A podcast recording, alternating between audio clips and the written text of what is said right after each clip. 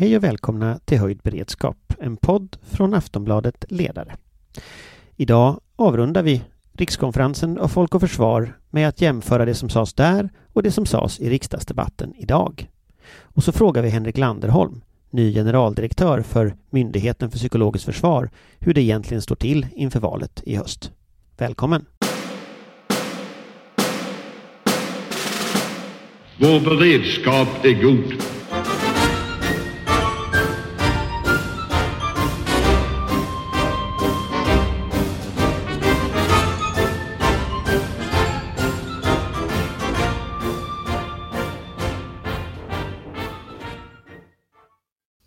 Ja, då eh, sitter vi kvar här i vår icke-studio eftersom vi är i cyberrymden. Eh, och det är då jag, Anders Lindberg. Det är Amanda. Wollstad, chefredaktör för Svensk Tidskrift. Johan. Viktorin, VD för Intil. Och Patrik. Oksanen, Senior Fellow, Tankesmedjan Frivärd. Ja, och vi har då lyssnat på partiledardebatt. Och det var en omskakande upplevelse med många nya besked och mycket nytänkande i säkerhetspolitiken. Eller hur Patrik? Nu vill jag ju säga att jag anar ett visst mått av ironi i din röst som jag hoppas också att lyssnarna uppfattar. Eh, för det kan man väl inte säga att det var. Eh, ska man ta en snabb, eh, snabb rekapitulering så kan man konstatera att eh, tre partier i inledningen. Partiledarna får ju då en första inledningsrunda. Eh, statsministern och oppositionsledaren Kristersson får ju sju minuter, de andra får fem minuter. I den inledande rundan så togs det säkerhetspolitiska läget överhuvudtaget inte upp av Jimmy Åkesson, Sverigedemokraterna, Nooshi Dadgostar, Vänsterpartiet och Ebba Busch, Kristdemokraterna, något förvånande. Eh, sen så eh, nämnde Per Bolund, Miljöpartiet, det här i förbifarten. Eh, och det var fyra partier eh, som pratade mer om det här, i alla fall substantiellt del av sitt anförande. Och det var ju statsminister Magdalena Andersson, det var Ulf Kristersson från Moderaterna, eh, det var Annie Lööf, Centerpartiet och sedan så var det ju Johan Persson som representerar Liberalerna. Så det är den Mm. korta summeringen. Och Johan Persson pratar mest om NATO. Han pratade om NATO och eh, där kan man väl konstatera då att i replikrundorna, nu hörde jag inte alla replikrunder, men de replikrunder jag hörde så var det väl eh, den enda som tog upp frågan om säkerhetspolitiken i eh, replik med Magdalena Andersson, statsminister, det var ju Annie Lööf som lyfte NATO-optionen där. Och eh, där blev det väl ett delvis förväntat svar från Magdalena Andersson att hon är emot, men samtidigt så kom det ju ändå något slags erkännande att det finns en riksdagsmajoritet för en NATO-option eh, och hänvisning till de samtal som har varit senare då under dagen. Eh, att man skulle ta upp det här och, och ändå prata om det. Mm, Eh. Johan, ja, förlåt.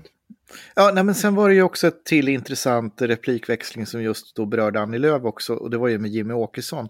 Där Åkesson fick frågan, vad betyder det egentligen när Sverigedemokraterna på sin hemsida under fliken försvarspolitik skriver att det ska råda, eh, att man ska respektera balansen mellan stormakterna?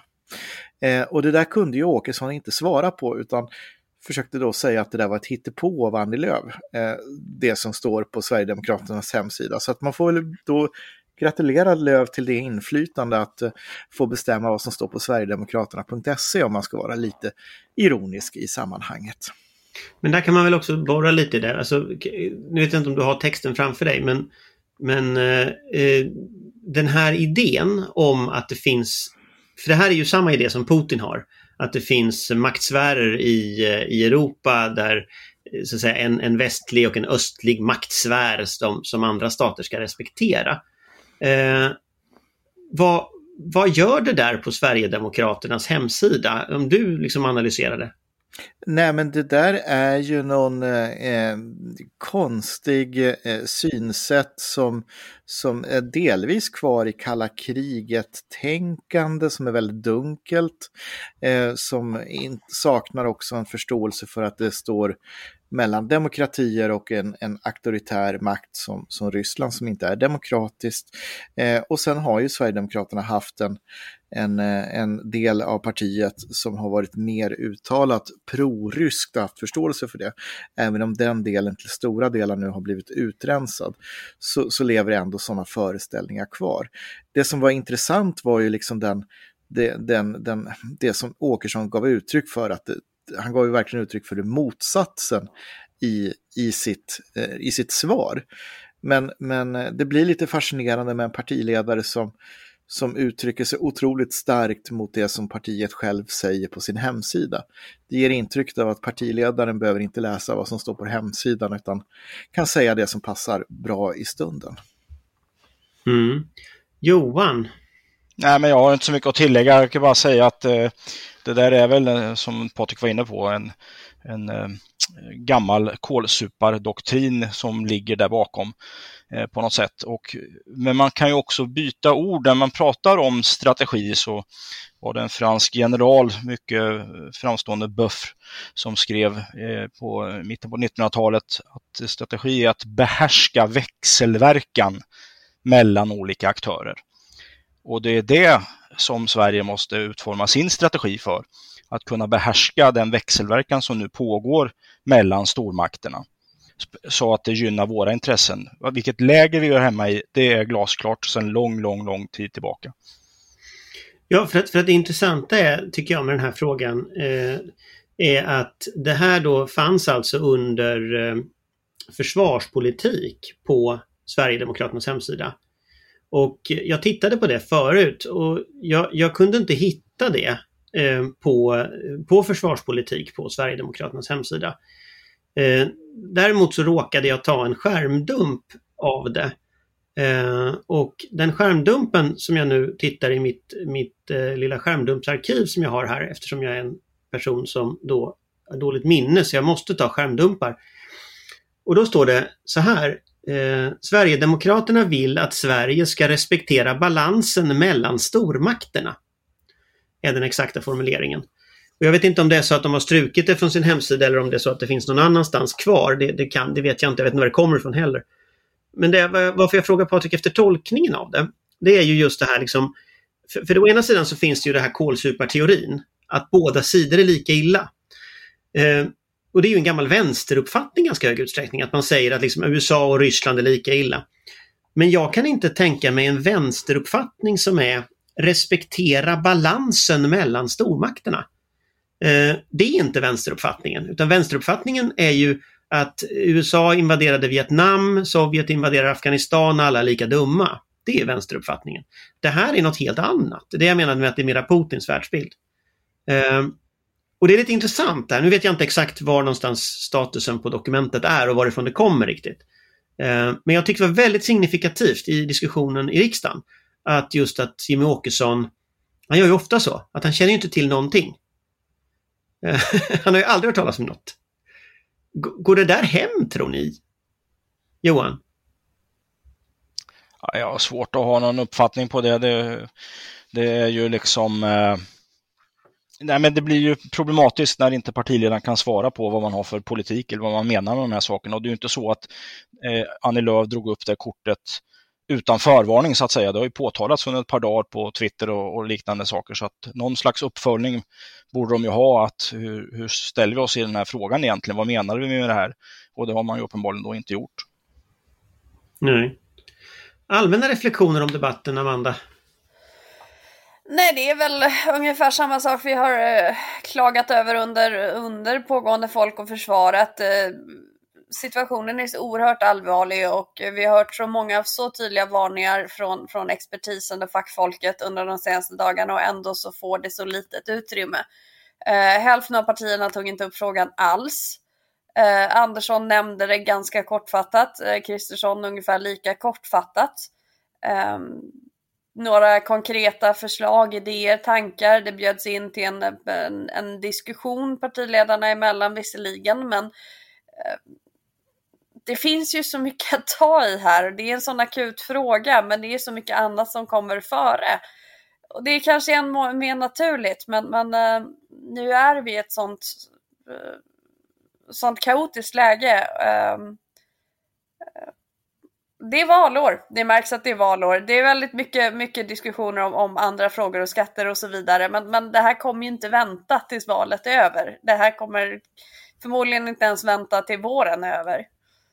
Men om man tänker det här som Patrik noterade här, att hälften av partierna verkar inte ens eh, ta upp det här i sina förskrivna, liksom, eh, förskrivna eh, liksom, texter. Är det så här det kommer att vara till valet? Att vissa kommer att diskutera detta men, men hälften inte gör det? Liksom? Risken är ju påtaglig och det är väl det här som spökar igen, att det anses inte vara en fråga som intresserar väljarna.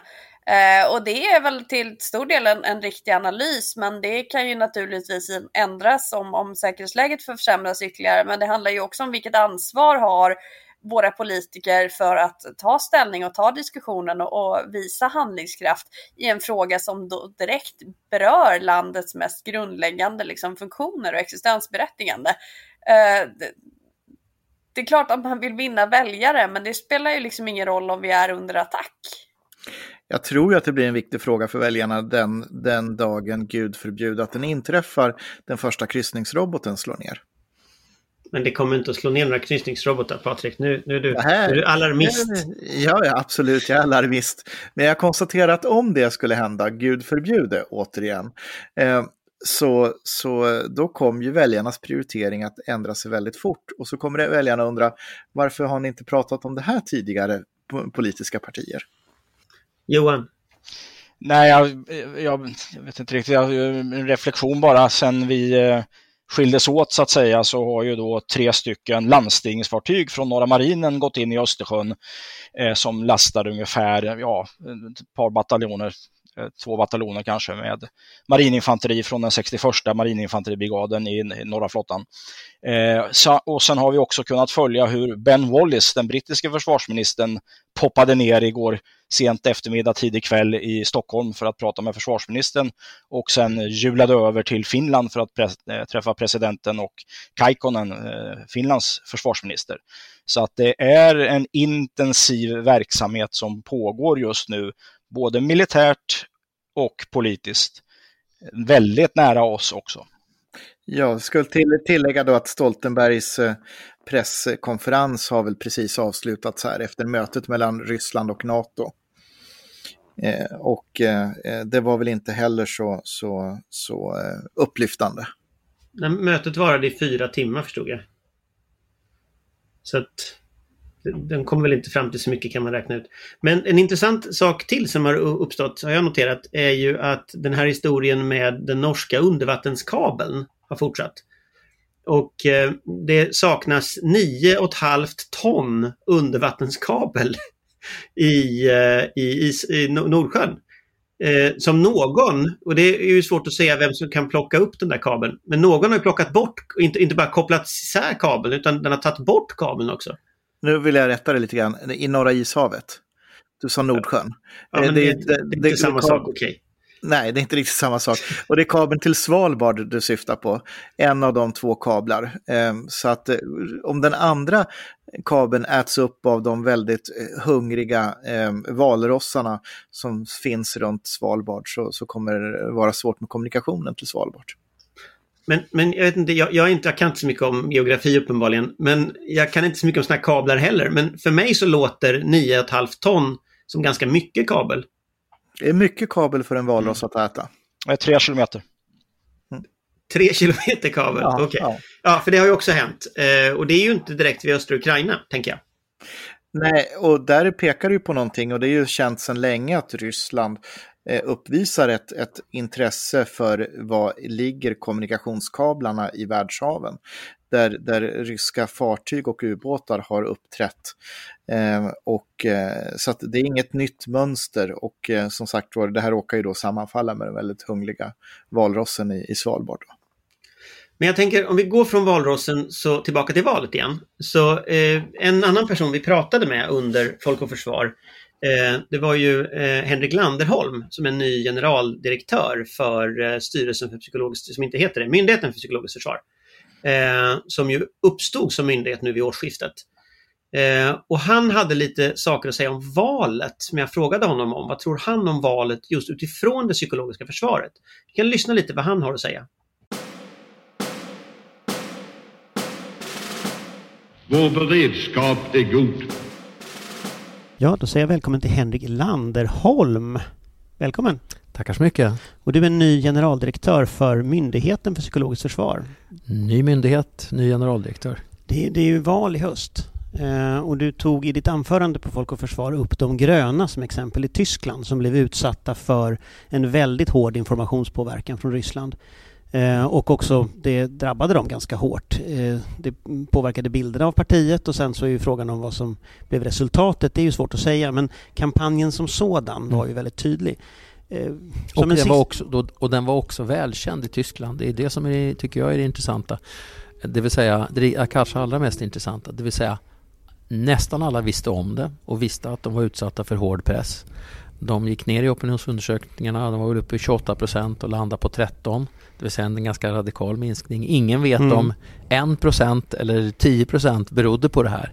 Men det skedde i alla fall trots att, så, att, att det i offentligheten fanns kunskap om att de hade utsatts för det. Och det betyder ju tydligen att risken är rätt stor att, att även om det är välkänt så kan det ha verkan i alla fall. Och det är ju ett skrämmande perspektiv ur, ur eh, ett skrämmande perspektiv ur demokratisk synvinkel. För nu blir det ju på något sätt skarpt läge Mm. direkt. Nu är, du är, myndigheten är nu ny, du är ny och det första ni ska hantera är en svensk valrörelse efter förmodligen en, en stor säkerhetspolitisk kris i Europa. Mm. Vad tänker du att vi kommer att se avslutningsvis? Jag tänker att vi måste svara på, verkligen vara på tårna eh, under den här processen. Vårt jobb, vi är ju inte ensamma. Vi ha- hanterar informationsarenan. Valmyndigheten hanterar valprocessen och säkerheten kring valet. Polismyndigheten och Säpo jobbar med inte minst det fysiska skyddet runt, runt politiker och valrörelsen som sådan. Eh, Medan vi måste fokusera på det, det innehållsmässiga och den påverkan som kan komma, vill jag understryka, från andra länder eh, med syfte att åstadkomma politiska resultat, styra den, den debatten i valrörelsen i en viss riktning som skulle kunna påverka valresultatet på ett sätt som skulle ligga i, i främmande makts intresse. Eh, valrörelsen 2018 var ju i begränsad utsträckning eh, påverkad utifrån. Våra experter säger till och med att man kan mäta en förhöjd aktivitet snarare efter valet under, under den långdragna regeringsbildningen Mm. att eh, det skedde också begränsade men o- om man ska mäta det så var det faktiskt något mer då. Jag tror vi måste vara beredda på, eh, på allt om jag ska vara riktigt ärlig. Vi får ta ett, upp ett, ut ett ganska stort utfallsrum från det som vi uppfattade som hände i Norge, det vill säga en låg aktivitetsnivå eh, till att beroende lite på vad, vad som händer nu med den, den, den pågående säkerhetspolitiska krisen som du refererade till eh, vad, det kan få för intre- vad det kan få för effekter. Vad vi vet är ju att förmågan att påverka eh, och avsikten långsiktigt att påverka, den finns där. Om den kommer att användas i den svenska valrörelsen eller inte, det vet vi inte. Vi måste vara beredda i vilket fall. Finns förmågan att försvara oss? Eh, förmågan att försvara oss finns definitivt, eh, men den är ju under uppbyggnad och utveckling. Det här området är ju ett av de stora satsningsområdena eh, i totalförsvarets uppbyggnad. Eh, jag beskrev idag i mitt anförande vid Folk och Försvar att eh, 2020-2021 så anslogs 37 miljoner till det här området och 2024 ska vi vara uppe i 150. Så det är klart att eh, någon slags ökad effekt kan jag faktiskt utlova för skattebetalarnas pengar även under 2020, 2022, eh, det vill säga valåret. Det är vi tacksamma för. Tack för att du kom hit. Vår beredskap är god. Ja, eh, Henrik Landerholm lovar ju här att det ska bli bättre än, än tidigare, eller i alla fall att eh, Sverige har, Sveriges beredskap är bättre. Vad tror vi om det? Eh, kommer det att bli bättre än tidigare? Johan? Ja, på sikt kommer det absolut att bli det. Men eh, det blir väl ett litet hack i kurvan nu eftersom man ska etablera en ny myndighet och finna nya arbetsformer och sådana saker. Så att ur den meningen så är inte det den bästa tajmingen. Och sen kan man ju fråga sig då om varifrån, alltså är den uppkopplad på rätt departement kan man ju också ha en diskussion om. Så att eh, Eh, nu, alltså det finns ju en kapacitet att följa de här sakerna förstås. Eh, etablerad vid eh, MSB sedan tidigare och som har varit igång ett antal år och eh, bodyn på den nya myndigheten kommer ju att komma därifrån naturligtvis. Men återigen, det är en omorganisation och det är inte optimalt att göra detta under ett valår tycker jag.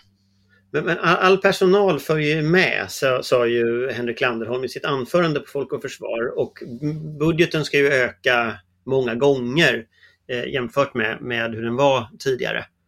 Eh, är inte det positivt ändå? Jo, men jag säger det. Förmågan kommer ju öka på sikt. Jag säger bara att jag tror att det blir ett litet hack i kurvan nu under våren när man etablerar en ny myndighet med allt vad det innebär. Nya kontaktytor, nya förhållanden.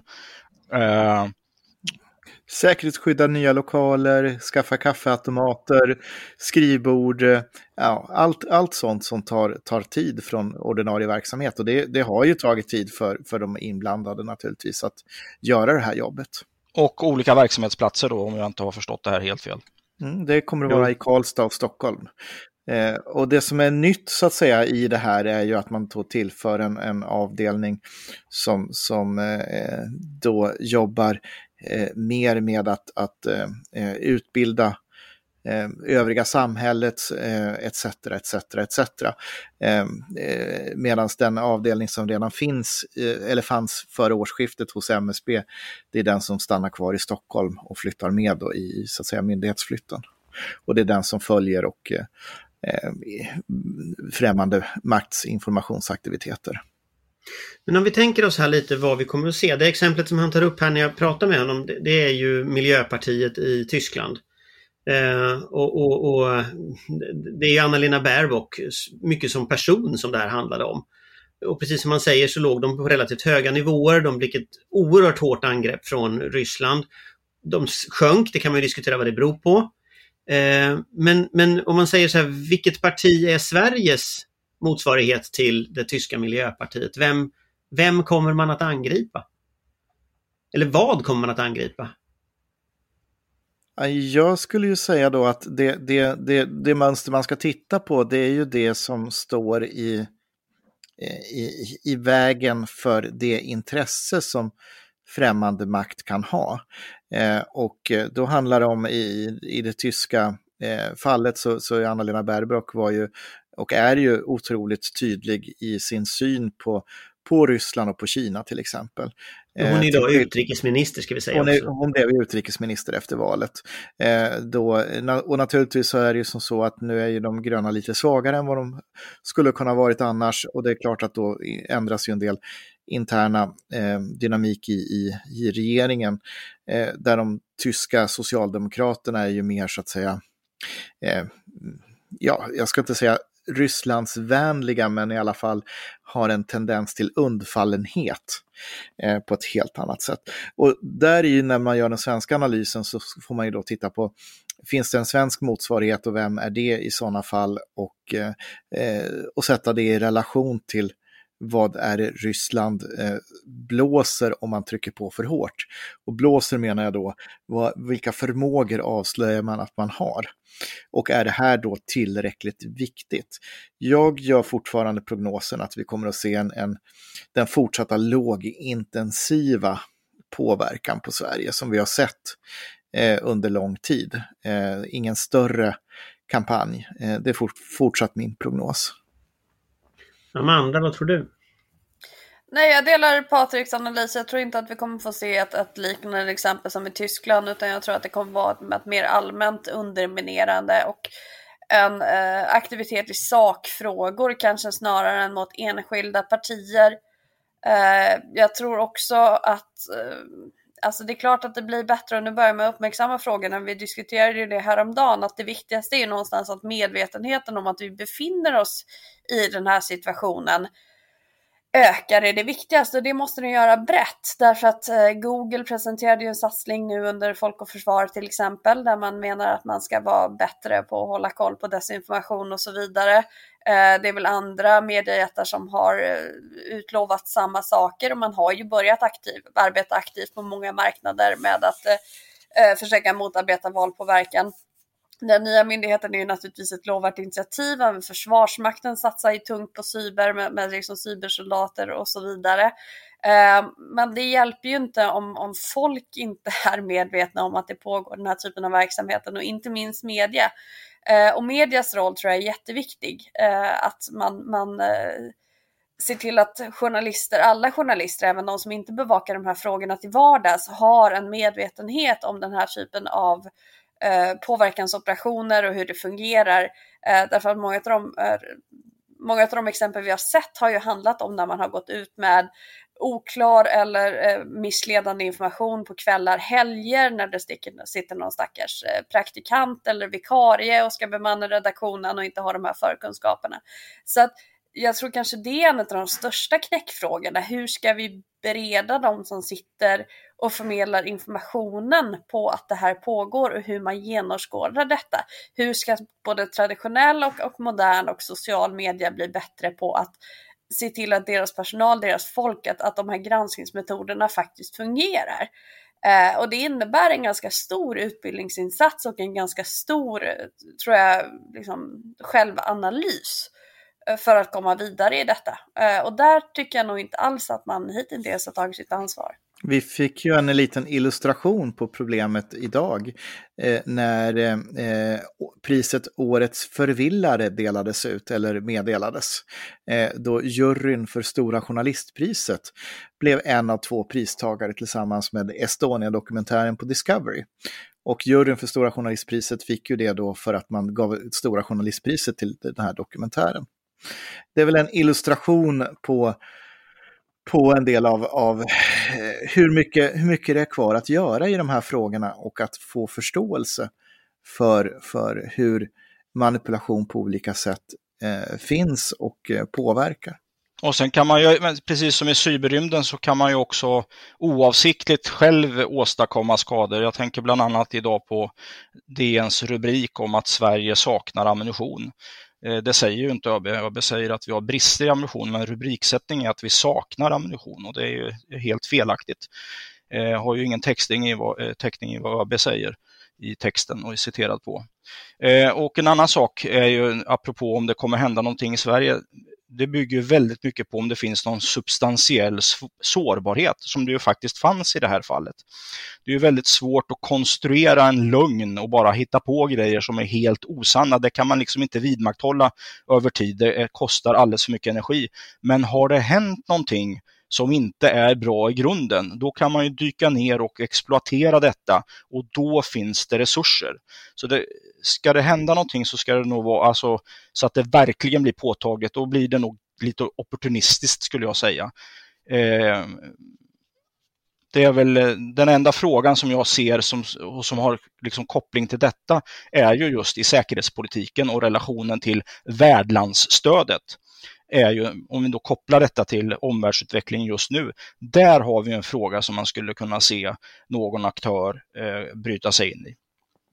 Den frågan ser vi ju eh, har, var under bearbetning under lång tid. Vi har ju en lång rad kommuner där eh, partier eh, har motionerat om att eh, kommunen ska skriva på uppropet och ansluta sig till kärnvapenfria städer, vilket är ett sätt att då underminera värdlandsavtalet och eh, i praktiken då eh, försvåra för, för eh, övning eller, eller hjälp från, från NATO i ett sådant läge.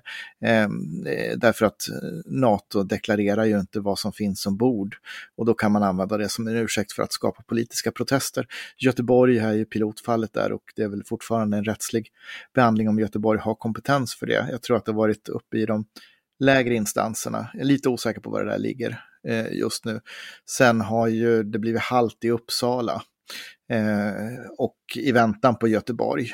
Eh, och sedan är det nedröstat i, en rad andra kommuner, däribland Gotland. Så vi kan ju notera att det finns ett mönster här på strategiska kommuner. Men, men jag, jag skulle säga att det finns en, en uppenbar parallell till Miljöpartiet eh, i, i Sverige. Inte som parti men som område. Och det är energifrågan. Eh, för där har man ju utnyttjat den faktum att Nord Stream 2 finns och ligger på bordet och ska starta och det har blivit katalysator för det. Men det är klart att även den svenska energidebatten och, och kopplingen till Nord Stream, eh, kopplingen till debatterna eh, kring slutförvar, kring kärnkraft, kring alla de sakerna. Det är klart att där finns det någonting som man skulle kunna exploatera på samma sätt. Eh, om man bara hittar liksom en skruvmejsel in i systemet så är det så känsligt. Och i det tyska fallet, där blir ju Nord Stream skruvmejseln. I det svenska är det svårare att se. Men jag kan mycket väl tänka mig att energifrågan blir en sån, eh, en sån katalysator. Lite oklart. Eh, lite oklart naturligtvis vad, vad exakt det kan handla om. Ja, men det är en Eh. utmärkt fråga då för att det handlar om polarisering. Det blir en, vi har sett en väldigt stark polarisering i energidebatten just nu. Ja, Samtidigt, exakt. sa- samtidigt som att det är en, en, en fråga där, där till exempel Vänsterpartiet använder frågan för att eh, eh, verkligen springa eh, i, i, i- i skumma ärenden när de säger att vi ska kapa elledningarna till kontinenten eh, för att vi ska inte exportera el till Tyskland eftersom vi själva har, har höga energipriser. En, en slags isolationism eh, och bryta eh, upp den inre marknaden. Ja, och sen finns ju frågan om, om eh, el i meningen vindsnurror. Alla lokala motstånd som finns runt det, runt om i landet, där det är vägen för ut, någons utsikt och sådär. Eh, alltså det finns massa olika möjligheter till att hitta en, en, en, en, en väg in i frågan. Ja, En för, att inte, för att inte tala om kinesiska statens ägande i vindkraftsparker i Sverige. Ja, nej men exakt, det kommer upp också. Och sen, och sen tror jag den andra frågan som är en sån här uppenbar risk, det är migrationsdebatten. Eh, där, för det är ju bara att se hur de har utnyttjat den tidigare. Att där kan man ju mycket väl hitta någonting eh, kopplat till det. Och riktigt vad det är vet jag inte, men det är samma sak där, att det polariserar liksom den svenska debatten. Så jag skulle inte bli jätteförvånad om det är så att det, det kommer angrepp på personer eller partier. Och sen finns ju den lägst hängande frukten, det är ju naturligtvis de som driver NATO-medlemskap som kommer att bli eh, en måltavla för Ryssland. Så är det. Och låt mig vara tydlig, de här angreppen eh, existerar ju redan idag. Eh, men på en, en, en, en lägre intensitetsnivå än vad vi pratar om i det tyska fallet vid det tyska valet. Mm. Men nu är Folk och Försvar slut. Och nu har vi hört partiledardebatten. Om ni ska ta med er en sak från det här årets Folk och Försvar eh, till debatten framöver. Vad är det? Ska vi börja med, med eh, Johan? Ja, eh, årets Folk och Försvar kännetecknas att det var då som hotbilden 2014 i januari träffade Sverige. Det var koncist. Amanda? Att läget är oerhört allvarligt och att det uppenbart är väldigt, väldigt svårt att få eh, de ansvariga att inse exakt hur allvarligt läget är. Det jag tar med mig huvudsakligen ifrån eh, Folk och Försvar, eh, det är just eh, de oerhört allvarliga tongångarna vi hörde från ÖB, från Gudrun Persson, från många andra eh, och hur lite det återspeglades i de politikernas tal och hur lite det kommer att återspegla sig i eh, partiledardebatten idag. Patrik? Jag, jag tycker att Johan och Amanda har ju summerat det här på ett väldigt elegant sätt. Eh, och jag vill då bara passa på att rikta tack till, till Gudrun Persson på FOI, till eh, ÖB, till, till eh, generaldirektörer från olika myndigheter som har varit inne och pratat om de här frågorna och varit väldigt tydliga. Jag tycker också att Hultqvist och Ann Linde har varit tydliga i, i, i problembeskrivningen.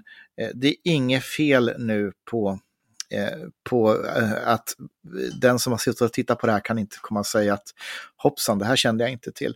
Det är ju som Gudrun Persson sa i sitt anförande som jag tror kommer att framstå som det, det, det, den stora highlighten under konferensen att eh, nu kan ingen säga att de ingenting förstod.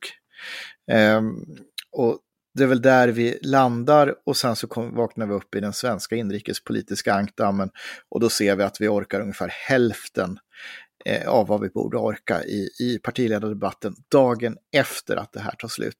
Eh, och vi kan bara föreställa oss vad vi kommer att vara i den svenska inrikespolitiska debatten i nästa vecka. Eh, om eh, eh det inte händer någonting remarkabelt. Vi orkar alla mer än vad vi tror. Håll ihop, håll ut. Alla meddelanden om att motståndet ska upphöra är falska. Men, nej, men jag tar med mig eh, egentligen en annan sak också. Jag håller med om det ni säger, men jag håller med mig en annan sak också. Och det, det är just att det är ändå något ganska unikt svenskt, tycker jag, när det finns den här ändå samsynen som jag upplever. Eh, även om en sån som Sverigedemokraterna inte liksom verkade bry sig om frågan idag och även om det är många partier som inte bryr sig så det finns ändå en, om man lyssnar på partiföreträdarna på Folk och Försvar, så finns det ändå en relativt stor samsyn om eh, fundamenta. Att små länder ska spelar roll. Och det är egenintresse för vår del.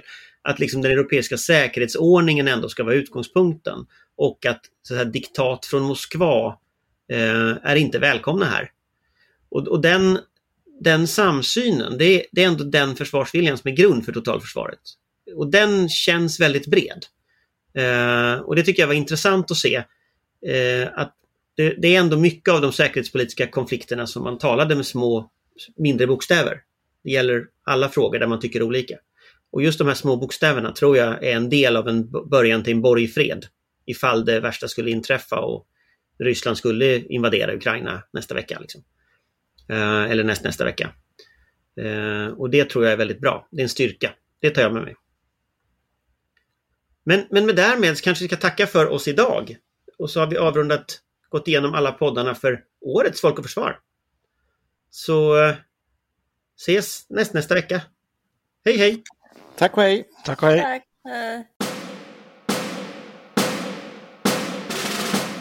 Vår beredskap är god.